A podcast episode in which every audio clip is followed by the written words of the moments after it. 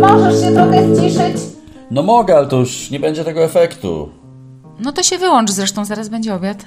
No właśnie chciałem sobie przed obiadem cichutko popindziolić. Chyba popierdzieć, bo tego normalnie to nie da się słuchać. Eee! No co, co? No kiedyś to chciałeś, żebym ci zagrał, zaśpiewał whisky moja żono. A teraz to pierdzenie?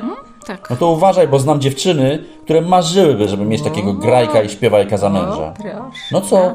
No siądzie taki, zagra, zaśpiewa, przytuli i od razu jest romantycznie, a dziś Bardzo, bardzo. daj spokój. Zabijasz mnie i moją pasję jednocześnie. Przepraszam cię, faktycznie, masz rację.